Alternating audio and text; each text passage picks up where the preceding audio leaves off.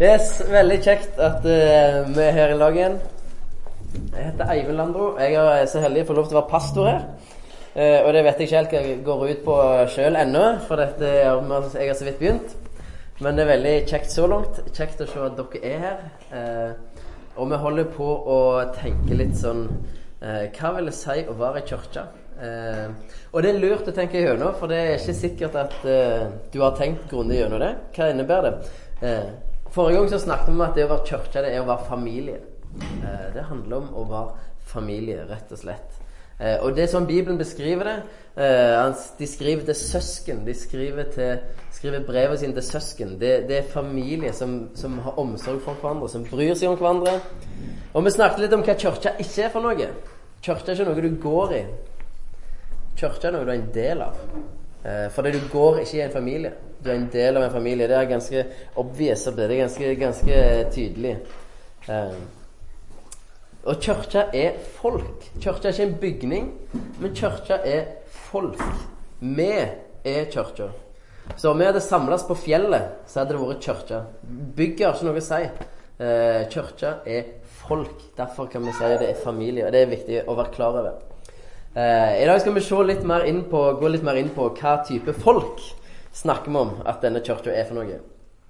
Eh, først skal vi bare be litt eh, og invitere Gud inn til å snakke til oss. Gode far, eh, vi takker deg for at du eh, du vil kirke, og du har store og gode tanker for oss som er her. Og for de som ikke er her, for denne byen her, for den Ulstein ved Gud. Jeg takker deg for at du, du lengter etter å få møte folk her. Eh, du lengter etter å få velsigne. Du lengter etter å få berøre, du lengter etter å få helbrede. Du lengter etter å få lov til å la ditt rike komme her i denne byen. Og vi bare ber om at akkurat det skal skje. Vi har lyst på mer av deg, Gud, og vi ber om at vi skal være et folk som lengter etter mer av deg. Eh, takk for det vi har hørt allerede om at du er livets vann, men vi trenger å ta tid til deg. Og vi ber om at du skal gjøre oss tørste, Gud, så vi har lyst til å drikke det levende vannet, som er deg. Gjør oss en hunger etter deg, Gud, for vi trenger deg så sårt i våre liv. Bare åpenbar det for oss. Eh, så ber vi for denne stunden her. Vi ber om at du skal være herre ved denne stunden. her. Vi ber om at du skal tale til oss. Vi ber om at du skal blåse liv i mine ord, sånn at det kan bli til liv for våre hjerter fordi du er her, Gud. Eh, så bare kom og berør oss. Kom og åpne hjertene våre. Hjelp oss å legge av oss det som vi tenker på av stress, av bekymringer og ting som skjer i livet, eh, og vende blikket vårt mot deg. Amen. Yes. Eh, vi skal se på hva slags folk er det vi skal være når vi er i kirka, når vi er familie. Eh, og hvis du kan litt om Og det kan sikkert mange det kan sikkert mye bibelfortellinger bedre enn meg. Men da vet du sannsynlig at når Gud skapte verden, så skapte han en fantastisk verden. Der mennesker hadde det godt på alle mulige måter. De hadde det godt med Gud, godt med hverandre, godt med seg sjøl og godt med verden rundt seg. Det skapte. Eh, Akkurat sånn som Gud drømte om. Det var Guds plan at akkurat det skulle være tilfellet. At du skulle ha det godt med Gud, godt med deg sjøl, godt med andre mennesker og godt med verden rundt deg. Det var Guds plan og Guds drøm. Eh, og han ønsker å ha en nær og en tett og en intim relasjon med oss mennesker. Som far og sønn på sitt beste. Eh, det er det Gud, eller mor og datter, bruk av bilde du vil. Det er det Gud drømmer om.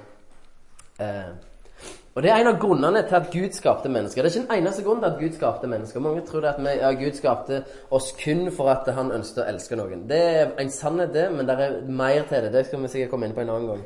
Eh, men det er en veldig viktig ting at Gud ønsker å ha en relasjon til oss. Gud ønsker en nær og tett relasjon til oss. Og så kan dere historien at dette gikk ikke så veldig bra. Adam og Eva de gikk på en smell. Og eh, de åt av dette treet som de ikke skulle. De hadde ikke lov til. Og de gjorde en måte opprør mot Gud. Eh, de hadde lyst til å være Gud sjøl og gjorde opprør. Og da Da kunne de ikke være nær Gud lenger på samme måten. De hadde gjort seg ureine, og de hadde måte gjort opprør. De kunne ikke lenger være i lag med Gud på samme måte. Så de ble kasta ut av Edens hage. kunne ikke ha den tette relasjonen til Gud lenger. Men Guds drøm om å være nær mennesket, om å ha en tett relasjon, den, den døde ikke, heldigvis. Den fortsatte. Og Gud ønsket fremdeles å dra alle mennesker tett inn til seg Men han hadde jo et problem. Han kan ikke være blant mennesker lenger i sin fysiske tilstand. Så det Gud gjør, er at han velger seg et folk. Han begynner med en mann som heter Abraham, som blir stamfar til dette folket. Og gjennom dette, fol dette folket så skal redningen for hele verden komme. Men ikke bare det. For dette folket får òg en annen hensikt, som vi skal komme tilbake til om litt. Men dette folket, som vi da etter hvert kaller for israelsfolket eh, Selv om Ja. De ble etter hvert slaver i Egypt. Nå bare tar jeg en kort oppsummering av historien her.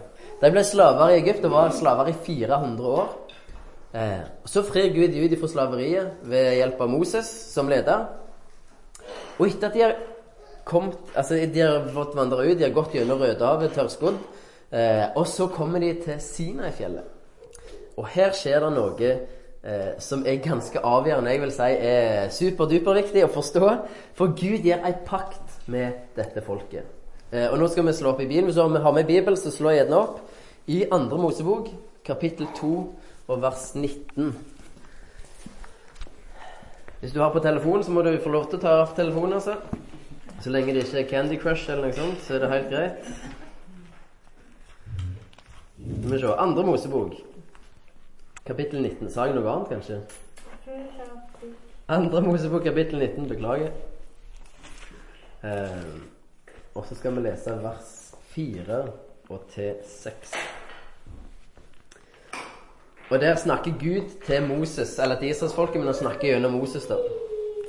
Og der står det Gud forteller Dere har sett hva jeg gjorde med egypterne, og hvordan jeg løftet dere på ørnevinger og bar dere hit til meg.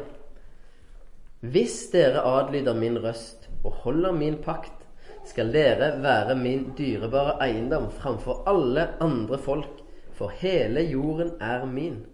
Dere skal være et kongerike av prester og et hellig folk for meg.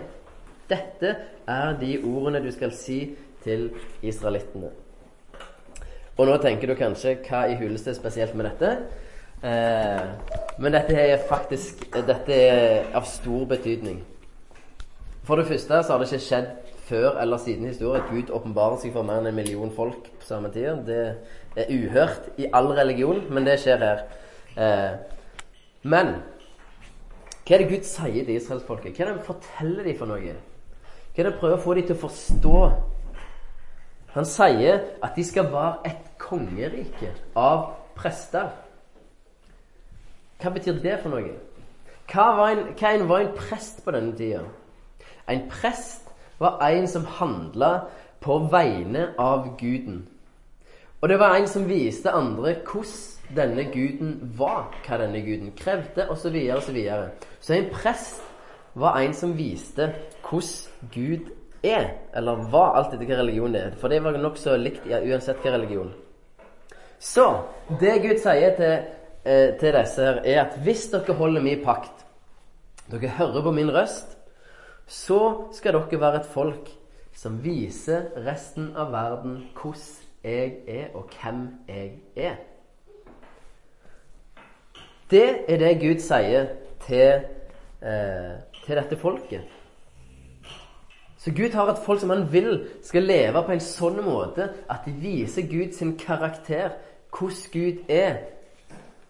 Og at de lever livet på en sånn måte at folk kan se hvordan Gud er, og få lyst å ha en relasjon til denne guden. Så Gud gir dette folket en ny identitet. Husk, de var slaver. Eh, og Gud sier nei, dere er ikke den nye identiteten at dere er mitt folk. Eh, dere er min dyrebare eiendom, sier han faktisk. Og så gir han et oppdrag. Vis verden hvem jeg er. Og israelsfolket de svarer yes, dette vil vi. Vi, vil, vi har lyst til å gjøre dette her. Eh, og så inngår de en pakt med Gud. Og denne pakten det er da de ti bud. Eh, og det, det er som et, en ekteskapsinngåelse. Det er litt lurt å være klar over, for det forstår du litt av mer hvordan, hvis du leser videre, hvordan språkbruken er. Men det er som det inngår ei ektepakt. Ok, so far so good. Eh, men så går det ikke så veldig lenge før dette ikke går så bra lenger. Etter at folk har kommet inn i landet som Gud har lovt dem, det som vi nå kaller for Israel i dag, eh, så går det ikke lenge før de begynner å dyrke andre guder. Eh, og de begynner å gjøre det som ikke er rett. De begynner å drive med urettferdig handel. De driver og undertrykker fattige. De driver og Ja. De gjør de tingene som Gud har sagt de ikke skal gjøre. Eh, så Gud han sender profeter. Og de fleste profetene har det samme budskapet. Venn om, kom tilbake til meg. Begynn på nytt. Husk hvem dere er. Det er på en måte essensen av det Gud forteller gjennom disse profetene. Husk hvem dere er. Kom tilbake. Begynn på ny. Dere er mitt folk. Dere være ikke meint å leve sånn. Dere var ikke meint å være på denne måten her. Men de vender ikke om. Eh, som regel ikke. Av og til en sjelden gang, men som regel ikke. Eh, og de slutter ikke med å dyrke andre guder. Eh, og Gud får, Gud får, et identitetsproblem. Eh, for han har et folk som skal representere og vise hvordan han er. Og dette vet de andre folkeslagene. Du kan lese det i første Samuelsbok andre Samuelsbok, at filistene vet hvem Gud er. De vet hvem, hva Gud og israelsfolket dyrker. Og de kjenner til at han har ført dem gjennom Rødehavet. alt det der. De vet hvem Gud er. Det er ikke noe sånn ukjent for dem. Eh, men Gud har du et folk som skal vise hvordan han er, og så viser de det helt motsatte. De viser noe helt annet, og Gud får et identitetsproblem. Eh, for det er jo ikke sånn han er. Det de viser, er ikke sånn Gud er. Så han har et problem. Så det som skjer, er at han sender dem et slaveri i Babylon i 70 år. Eh, og så kommer de tilbake igjen, eh, og de bygger opp tempelet som ble ødelagt. og litt sånt. Men etterpå så er det stille fra Gud i 400 år. Da er det på en måte helt taust. Ingen profeter, ingen som står fram, ingenting. Eh, og det er liksom et slags, en tomhet, et slags vakuum i dette folket. Og så kommer Jesus, som sier at han er Guds sønn. Og han viser folket hvordan det var meint at de skulle leve. Hvordan var det Gud tenkte når han skapte et menneske? Hvordan skal et menneske leve? Det viste Jesus. Og så underviser han hvordan det ser ut der Gud får lov til å regjere. Det som vi kaller for Guds rike. Og han helbreder, og han gjenoppretter, og han gir tegn, og han gir under. Eh, og så le lever Jesus det livet som dette folket, og som meg og deg, skulle ha levd. Og så dør han den døden hos dette folket, og som meg og deg skulle ha dødd. Og så står han opp fra de døde. Og så kan vi hoppe litt videre. For noen år etterpå så skriver Peter, en av disiplene, han skriver et brev til en menighet der det, de som går der, ikke er jøder. De er ikke, de er ikke en del av israelsfolket sånn biologisk. Så kan vi lese hva han skriver. Da skal vi slå opp i 1. Peters brev, kapittel 2 og vers 9. 1. Peters brev.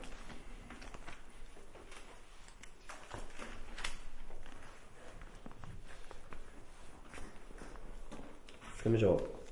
Yes, og her står det Men dere er en utvalgt slekt, et kongelig presteskap, et hellig folk, et folk som Gud har vunnet, for at dere skal forkynne Hans storverk, Han som kalte dere fra mørket og inn i sitt underfulle lys. Dere som før ikke var et folk, er nå Guds folk. Dere som før ikke fant barmhjertighet, har nå funnet barmhjertighet. Eh, og her òg er det masse, masse kunne snakket om. Vanvittig mange sånne ting her. Eh, jeg skal ikke ta alt i dag. Men han begynner med å si at de er et kongelig presteskap. Et hellig folk. Høres det kjent ut? Det er akkurat omtrent det samme som Gud sa til israelsfolket eh, når de er i Sinai-ørkenen, i Sinai-fjellet. Omtrent akkurat det samme. Og Peter repeterer det som Gud sier. Og han sier at de er et kongelig presteskap. Tenk litt på det. Et kongelig presteskap. Han sier, de, altså det han sier, Dere som tror på Jesus, dere er kongelige. Hvorfor det? Jo, for det er når du er Guds barn. Du er barn, du er sønn eller du er datter av Han som er konge over hele verden, så gjør det deg kongelig. Det har du ikke tenkt på, kanskje, men det er fakta. Du, hvis du tror på Jesus, så er du kongelig. Eh, og så er de prester. Altså, de representerer Gud.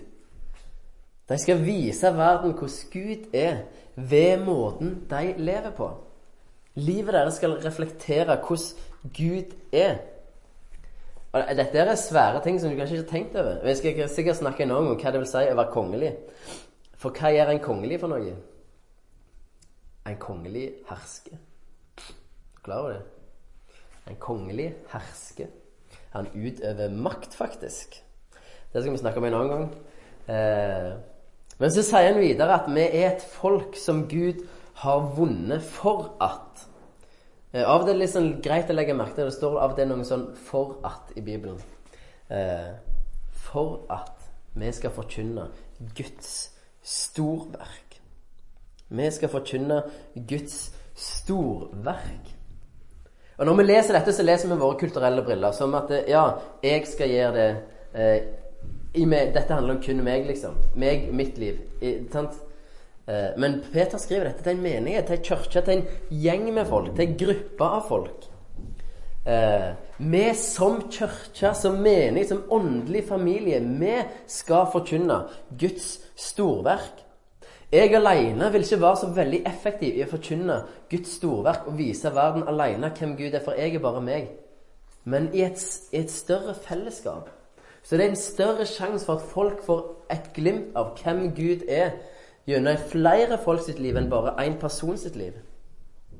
Så, så, dette er snakket om til ei kirke, og til å fortelle noe om hva ei kirke skal være for noe. Vi som menige som familie, skal forkynne Guds storverk. Ordet 'forkynne' på gresk betyr å proklamere eh, eller å annonsere offentlig.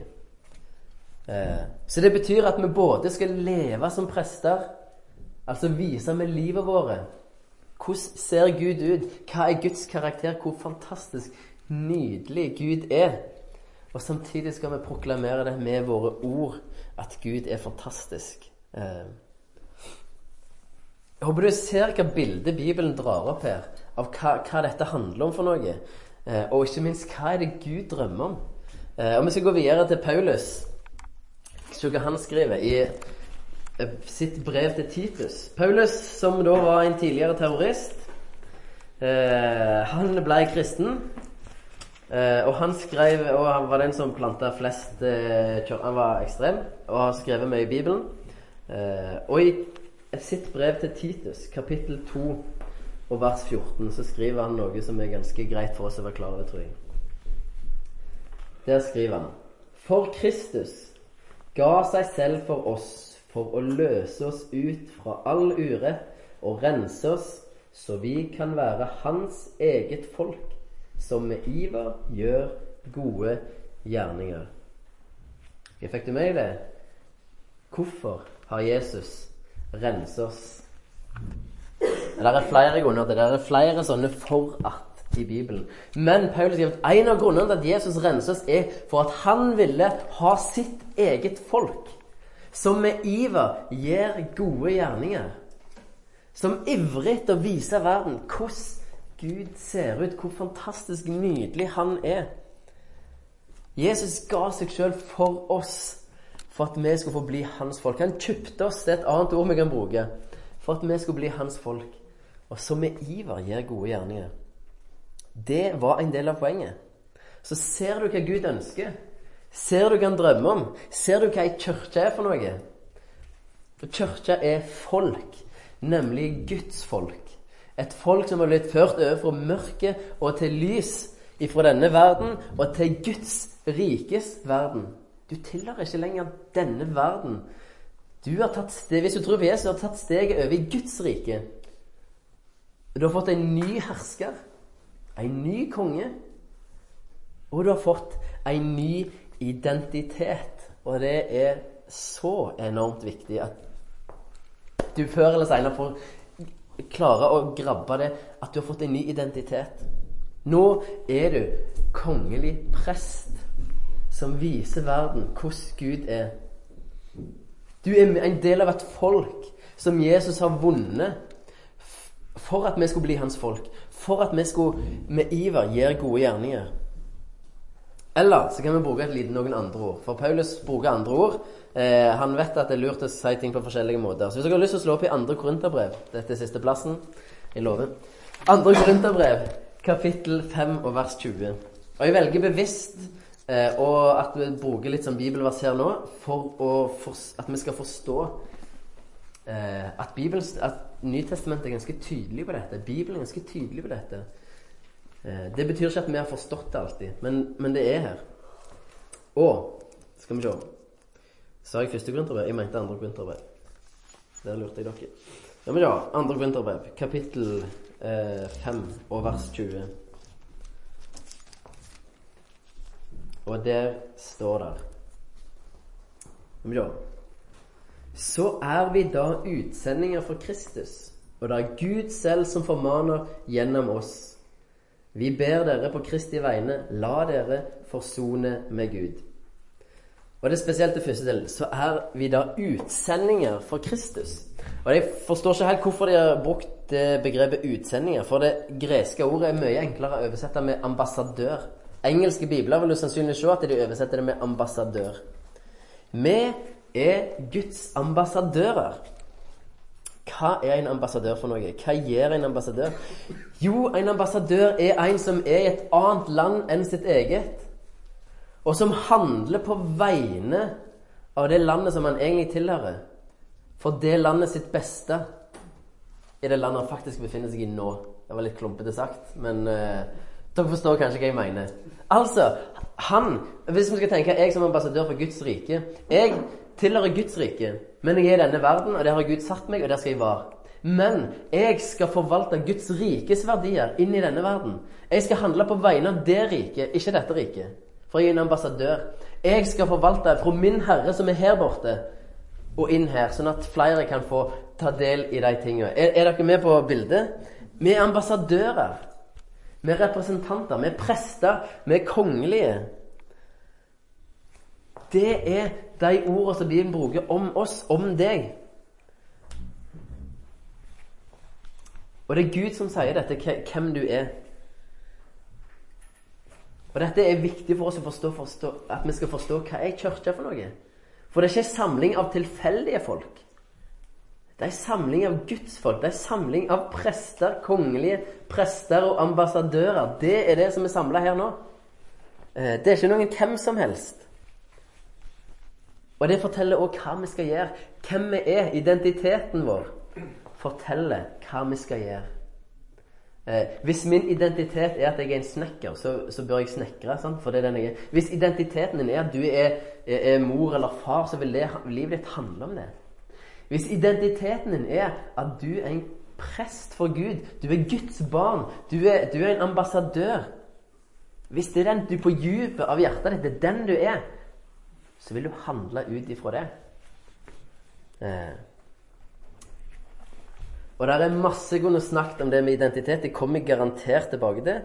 Eh, for det er en nøkkel for å kunne eh, For å kunne leve ut Guds hensikt. Eh,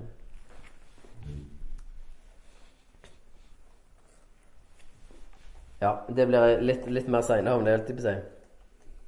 Men hvis du ikke vet hvem du er i Jesus, hvis du ikke vet hva Jesus har gjort for deg hvem han sier at du er, så blir det vanskelig å gjøre de tingene han sier. Eh, for du vil ikke eh, Du vil ikke ha en forståelse for det. Eh, jeg er oppvokst i en bedehustradisjon. Og der jeg har på en måte hørt i ganske mange år at jeg er en synder. Jeg er en synder. Og det er helt rett, det. Poenget er at Bibelen forteller oss at ja eller han forteller egentlig ikke at jeg er en synder hvis jeg tror på Jesus. Han forteller at jeg gjør synd. Men den jeg er, som dere viste med den legen deres der oppe, er at jeg bl.a. er hellig. Jeg er rein. Jeg er skyldfri, sier Bibelen. Det er den jeg er. Det er sånn som Gud ser på meg. Naboen ser ikke sånn på meg. Det kommer han aldri til å gjøre. Eh, men Gud ser på meg sånn. Jeg er rein. Jeg er hellig. Jeg er skyldfri. Det er Guds perspektiv for meg. Eh, fordi jeg på, for jeg er skjult i Jesus. Sant? Det er Guds perspektiv for meg. Og så gir han meg en identitet at jeg, jeg, har et oppdrag her i verden. Jeg, jeg, jeg, er kongelig. Jeg er kongelig. Jeg er en prest. Jeg er en ambassadør. Det er identiteten. Og hvis du tenker eh, Hvis du tenker at jeg er en synder Altså, jeg synder, det gjør jeg, men jeg er ikke en synder. Det er ikke den jeg er.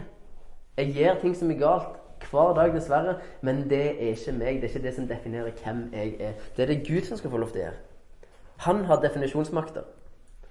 Eh, Og det er så viktig å forstå at vi er et folk som har blitt ført over fra mørket og til lyset. Eh, du var én ting før, men nå er du noe annet. Og det må vi forstå når vi, skal snakke om, når vi snakker om det å være kirke. Når vi skal være en åndelig familie, så må vi forstå hvem vi er. For da forstår vi hva skal vi gjøre for noe. Eh, det er da vi forstår det. Og du vil forstå at kirka er ikke noe som handler om å komme og gå. Men det handler om noe du lever. Jeg, jeg er her fordi jeg representerer Gud. Jeg trenger å møte de andre representantene for Guds rike. Vi trenger fellesskap i lag. Vi trenger å oppmuntre hverandre. Vi trenger å bygge hverandre opp. Vi trenger å minne oss selv på hva er oppdraget. Hvorfor er vi her i denne verden? Altså, tenk deg da. Gud, Gud kunne egentlig gjort det sånn at idet en person ble kristen, så kunne han bare sånn beame dem opp i himmelen eller et eller annet. Han kunne gjort det. Han kunne lagd et sånt system hvis han ville, men han ville ikke. Han hadde ikke tenkt det. For han vil bruke oss her på jorda. Han ønsker at vi skal være hans representanter. Han ønsker at vi skal være en åndelig familie eh, som er med pappa på jobb. Eh, og som er med på å la Guds rike komme. Og vi trenger hverandre. Derfor trenger vi hverandre. Vi trenger å oppmuntre hverandre. Vi trenger å fortelle hverandre hvem er vi i Gud. Hva er det vi er gitt å gjøre for noe? Hvorfor er vi her? Er det pga. hytta, bilen og båten? Nei, det er ikke derfor vi er her. Det er ikke hensikten med livet vårt. Det er en mye større hensikt enn det, og en mye rikere hensikt enn trivielle, verdslige ting. Så du for all del må ha og nyte. Det er helt i orden, men det er ikke hensikten din. Og det er ikke hensikten min. Eh, og vi trenger bare å forstå at vi er kirke. Vi er et folk som er satt til side av Gud, for det betyr ordet hellig. Satt til side, gjort rein. Eh, det er oss. Og det skal vi være, og det trenger vi å minne hverandre på. Eh, og vi trenger, vi trenger, å forstå at Eller når vi forstår, så forstår vi at vi, dette klarer ikke jeg å gjøre alene. Jeg trenger andre for at jeg skal klare å leve kirke. For at jeg skal leve mening, så trenger jeg folk rundt meg. For dette, dette klarer jeg ikke. Å vise Gud alene, det, det, klarer jeg ikke. Helt alene klarer jeg ikke det. Jeg kan vise noen glimt av Gud, kanskje. Eh, men oss i lag, i et mangfold, vil mye bedre reflektere Gud enn jeg alene. Eh, så jeg håper du forstår hva det, Gud, hva det Gud har drømt om hele tida. Han har drømt om et folk som representerer han, som elsker han, som viser verden hvor fantastisk han er. Eh, som viser hvor nydelig det er der Gud får regjere i Guds rike. Hvor fantastisk det er. Eh, hvor, mange, hvor mange går på kino én eh, gang i året? Eller én til to ganger i året? Ja, ok, bra. Jeg, jeg vågte ikke å si mer, for da er det, det Hvis en er sånn småbarnsforelder, så er kino ikke sånn alltid du får så mye god tid til. eller sånt. Eh, men når du er på kino, sant? Kom inn i kinosalen, så er det jo det samme irritasjon som gang. Det er et kvarter med sånn trailere, ikke sant? Reklamer for andre filmer som skal komme, ikke sant? Det er en trailer. Og så sitter du og, og så sitter du liksom Og en trailer, sant? Reklame den reklamen for de filmene som kommer. Er, der viser de de, eh, de beste scenene. Sant? De morsomste quotes og alt det der. Det beste av det beste av den filmen. Det viser de på den traileren. Sånn at du bare får Å, den må jeg se. Den har jeg kjempelyst til å se, liksom. Eh, og så kommer du og ser og så var det faktisk bare de scenene du så på traileren som var god. Eh, og så er du litt skuffa. Eh, men poenget til en trailer er akkurat det å få deg til å få lyst til å se den filmen som kommer. ikke sant? Og akkurat det er kirka. Det er det vi er meint å være. En smakebit av det beste av det som kommer i Guds rike i himmelen. Vi skal være den smakebiten. Vi skal være det synlige som de får se. Hvordan ser det ut der Gud får regjere? Hvordan ser det ut der Gud er konge? Hvordan ser sånne liv ut? Hvordan er fellesskapet der der Gud får lov til å være konge? Hvordan ser en sånn familie ut? Jo, det ser litt ut som dette her. Det ser litt ut som dette her. Og nå er ikke poenget mitt å sette eh, standarden drithøyt, sånn at vi ikke føler at vi klarer det. Det er ikke poenget mitt. Jeg bare forteller hva jeg det Gud tenkte. Jeg gjør ikke for at vi skal få dårlig samvittighet. For jeg tror det er fullt mulig. Dette er mulig å gjøre. Ikke fordi at vi skal være perfekte. Det er ikke poenget. Eh, det kommer aldri til å være. Men i vår ufullkommenhet så bruker Gud oss like helt og like fullt. Og i vår svakhet så er faktisk Han sterk. Eh, så, så, vi trenger å forstå hva er kirka for noe. Hvorfor er vi kirke? Hva er vi her for?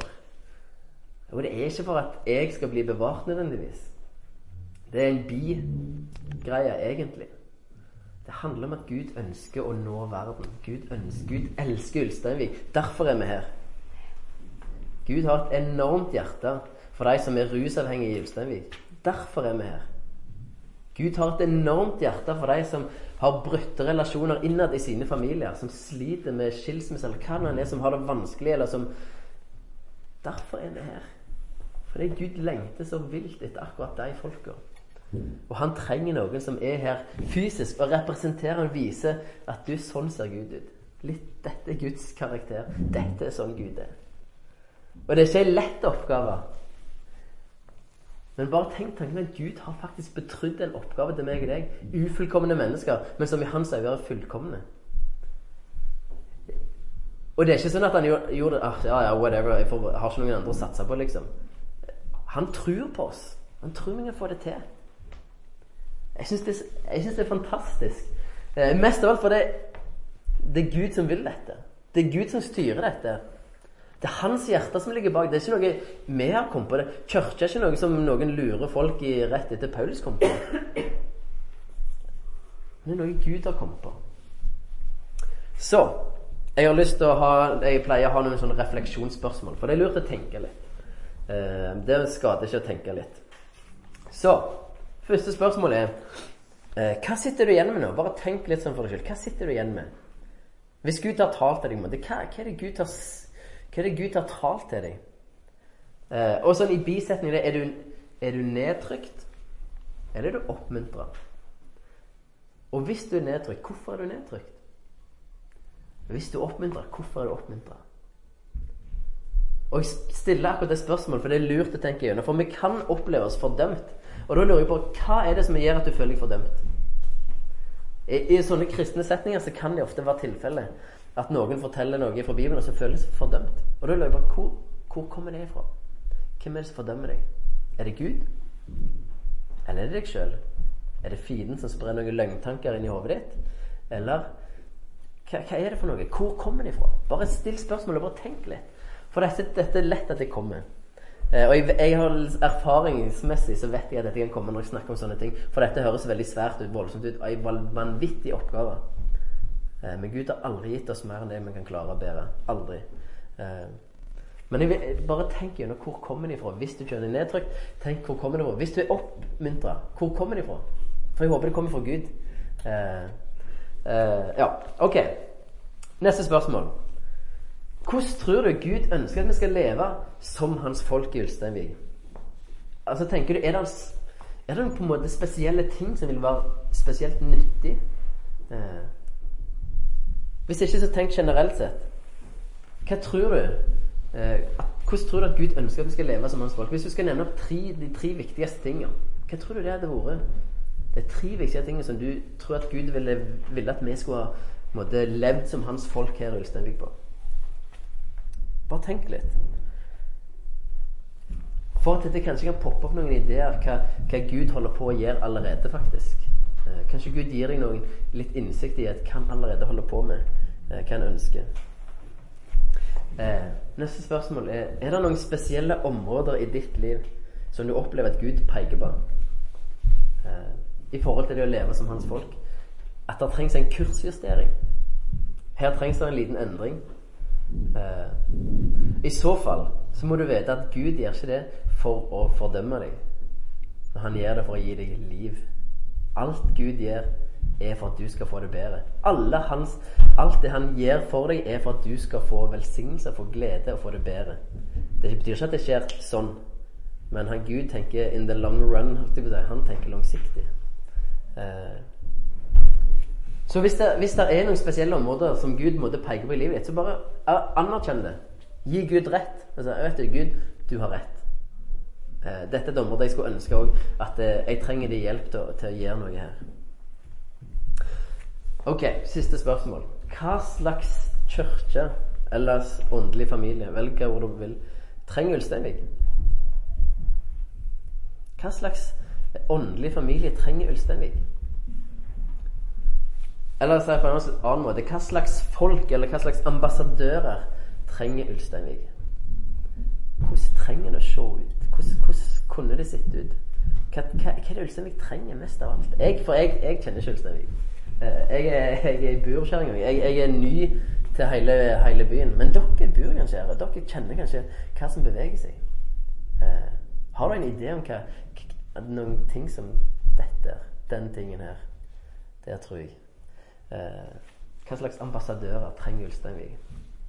Er det et spesielt område? Eh,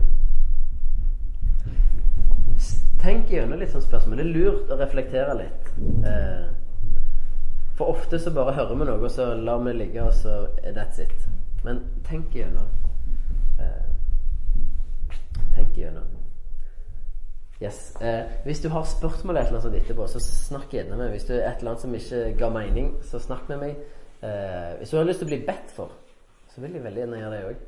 Eh, ikke at jeg er noe superåndelig som eh, der kommer lys over deg eller noe sånt når jeg ber, men, men eh, jeg kan veldig godt be. Jeg syns det er veldig fint. Eh, og jeg tror at Gud gjør noe når vi ber.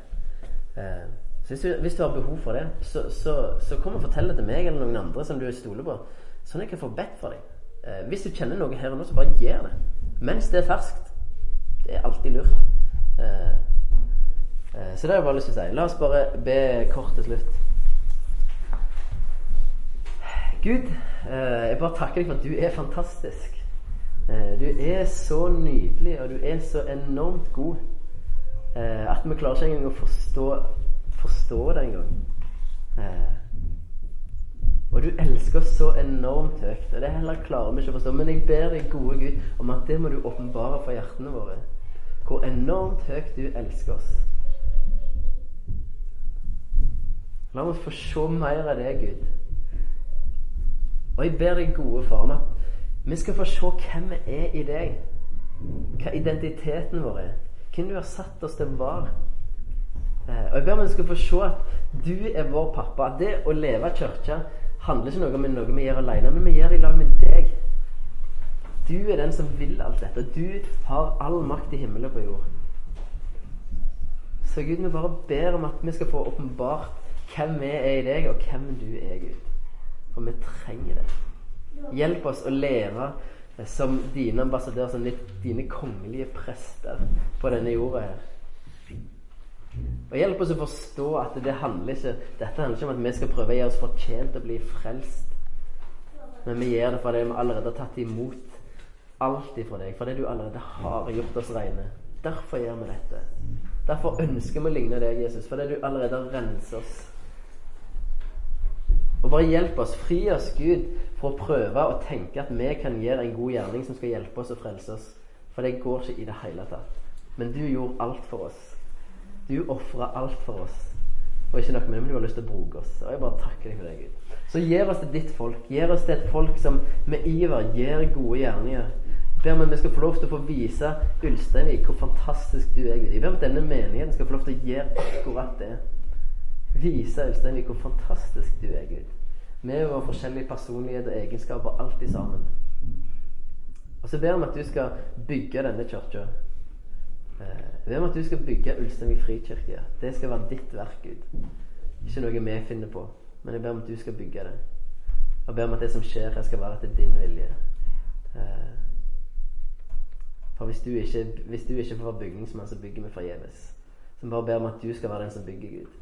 Og vi har bare lyst til å fylle deg. Jeg ber om at du skal velsigne Jeg ber om at hvis noen her kjenner på fordømmelse, så bare ber om at du, Gud, skal bare fylle deg med med deg eh, og med dine ord og med din kjærlighet, Gud. At ingen skal trenge å føle seg fordømt. For det er ikke sånn du er. Det er ikke det du er ute etter. Du er ikke politi som er ute etter å ta noen, men du er ute etter å fylle oss med kjærlighet og oppmuntre oss til å leve som ditt folk. Så ber om at det skal skje. Så må du velsigne resten av denne dagen, resten av kvelden. Be om at du skal velsigne fellesskapet. Be om at folk, alle som er her, skal få lov til å oppleve seg sett og møtt. Og at her er det godt å være Gud. Kom og være med ditt nærvær. Amen.